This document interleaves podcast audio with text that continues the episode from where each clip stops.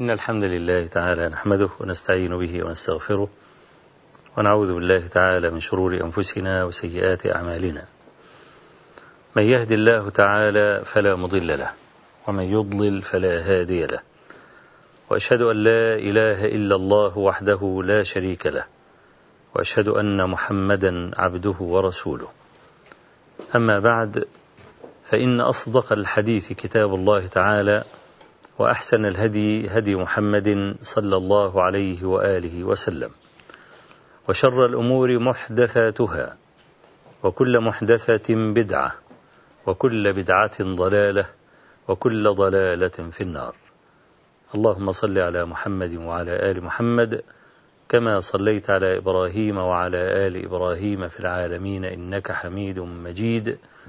وبارك على محمد وعلى آل محمد كما باركت على إبراهيم وعلى آل إبراهيم في العالمين إنك حميد مجيد. سعيد المسيب عنده أمير المؤمنين. عايز بنته. ورجل فقير لا يملك درهمين. وسعيد ده قبة المدينة. مش عايز أقول قبة التابعين. هو كان له أضراب فضلاء مثله. عبد الملك بن مروان أراد أن يخطب ابنة سعيد للوليد.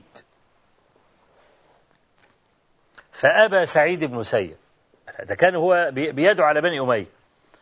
ومش عايز يسامحهم. طب هيدي بنته للوليد؟ طب ده الوليد ده مين؟ ده الوليد ده بقى أمير المؤمنين. وأي واحد يعني يعني يفتخر ويشعر بنشوة إن هو ناسب أمير المؤمنين. حتى على الأقل بقى له ظهر. تلاقي واحد مثلا ساعات يروح يناسب واحد جامد قوي وله مكانة والكلام ده علشان إيه؟ علشان يحميه يبقى له ظهر. لسعيد المسيب هؤلاء الطبقة ما كان يعني لهم نظير إطلاقا. رفض إن هو يزوج الوليد. وعمل حاجة بسرعة كده. واحد اسمه كثير بن أبي وداعة. كان من تلاميذ سعيد المسيب. وبعدين أنت عارف الحلقات زمان ما كانتش كتير قوي يعني. يعني مثلا ممكن تلاقي اللي بيحضر الحلقة بتاع مثلا 40 50 واحد بتاع 30 واحد. مش زي أيامينا إحنا كده. ممكن يحضر 30 40 50 ألف و200 ألف والكلام ده. لا فكان يعني بطبيعة لقلة المجلس كان سعيد المسيب بيبقى عارف كل واحد إيه من الجلوس. فكثير من أبي وداع ده غاب يوم يومين ثلاثة وبعدين ظهر. فسعيد المسيب بيسأله بيقول له أنت كنت فين؟ بالك أكثر من يوم. قال والله ماتت امرأتي فاشتغلت بها بتجهيزها ودفنها والكلام ده. قال له هل استحدثت امرأة بعدها؟ قال يرحمك الله ومن يزوجني؟ وأنا لا أملك إلا درهمين. بل لا أملك درهمين. قال أنا أزوجك. ده سعيد اللي بيقول له. قال أو تفعل ذلك؟ قال نعم. خلاص وانتهى الأمر. عدى مدة مثلا أسبوع أسبوعين بتاع الكلام ده وسعيد ما بيتكلمش في المسألة خالص. وكثير من أبي وداع بيروح يصلي في المسجد والتقي بسعيد ورجع البيت ومفيش حاجة. في يوم من الأيام كان إما يكون يوم اثنين أو خميس أو أيام قمرية المهم أيام فيها صيام يعني. ففي أذان المغرب بالضبط دق الباب. فكثير بيقول من؟ قال سعيد. قال فخطر كل سعيد على قلبي إلا سعيد بن مسيب. كل واحد اسمه سعيد في المدينة بحالها جاء على ذهني سعيد ابن فلان أو ابن فلان أو فلان لكن سعيد المسيب خرج تماما من الذهن. ليه؟ لأنه لم يرى أبدا بعد ما الأذان يؤذن إلا وهو في المسجد. لا تفوته أبدا الصف الأول ولا تكبيرة الإحرام ولا الكلام ده منذ أربعين عاما. فبيفتح لقى سعيد المسيب واقف. قال لعله قد بدا لك شيء. رجعت في كلامك مثلا أو كده أو الكلام ده؟ قال لا ولكني أعرف أنك رجل عزب. عزب يعني ليس لك زوجة. فكرهت أن تبيت الليلة عزبا وكانت بنته طويلة زيه كده يعني في نفس مستوى طوله بس كانت واقفة وراه. فإيه وإداله بنته وأجاف الباب خلفه وانطلق هو إلى الإيه المسجد. طبعا دي بالنسبة لكثير من أبي وداع كانت زي ما تكون إيه حصل له تلبنة في دماغه. لف مش عارف يعمل إيه. فقعد يحدف طوب على الجيران. ما هو ده كان إيه؟ عايز ينادلهم طب ينادلهم إزاي؟ فقعد يجيب طوب وبتاع ويهتف على الجيران. فقالوا له مالك؟ ألحقوني. إيه؟ قال سعيد بن سعد عمل كذا كذا كذا كذا. فذهبوا نادوا لأمه. والكلام ده هوت. وقالت له إيه؟ وجهي من وجهك حرام أن تقربها إلا بعد ثلاثة أيام. على أساس أن تهيئ وتهيئ البيت وبتاع والكلام ده. قال فلما دخلت بها وجدتها أجمل الناس وأفقه الناس وأعلم الناس بكتاب الله.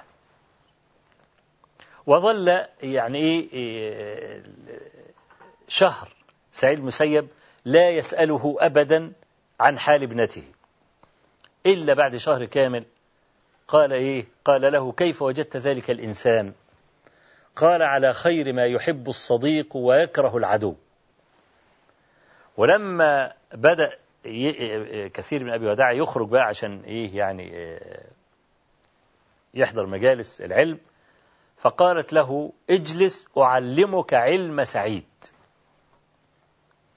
هي دي والله البنات صح. اجلس أعلمك علم سعيد. زي بنت مالك.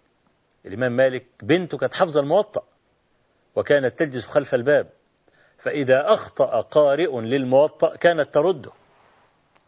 وكان مالك يعرف أنها ضابطة حافظة لا يرد عليها قولها. فهي بنت سعيد المسيب شوف كيف اختار سعيد.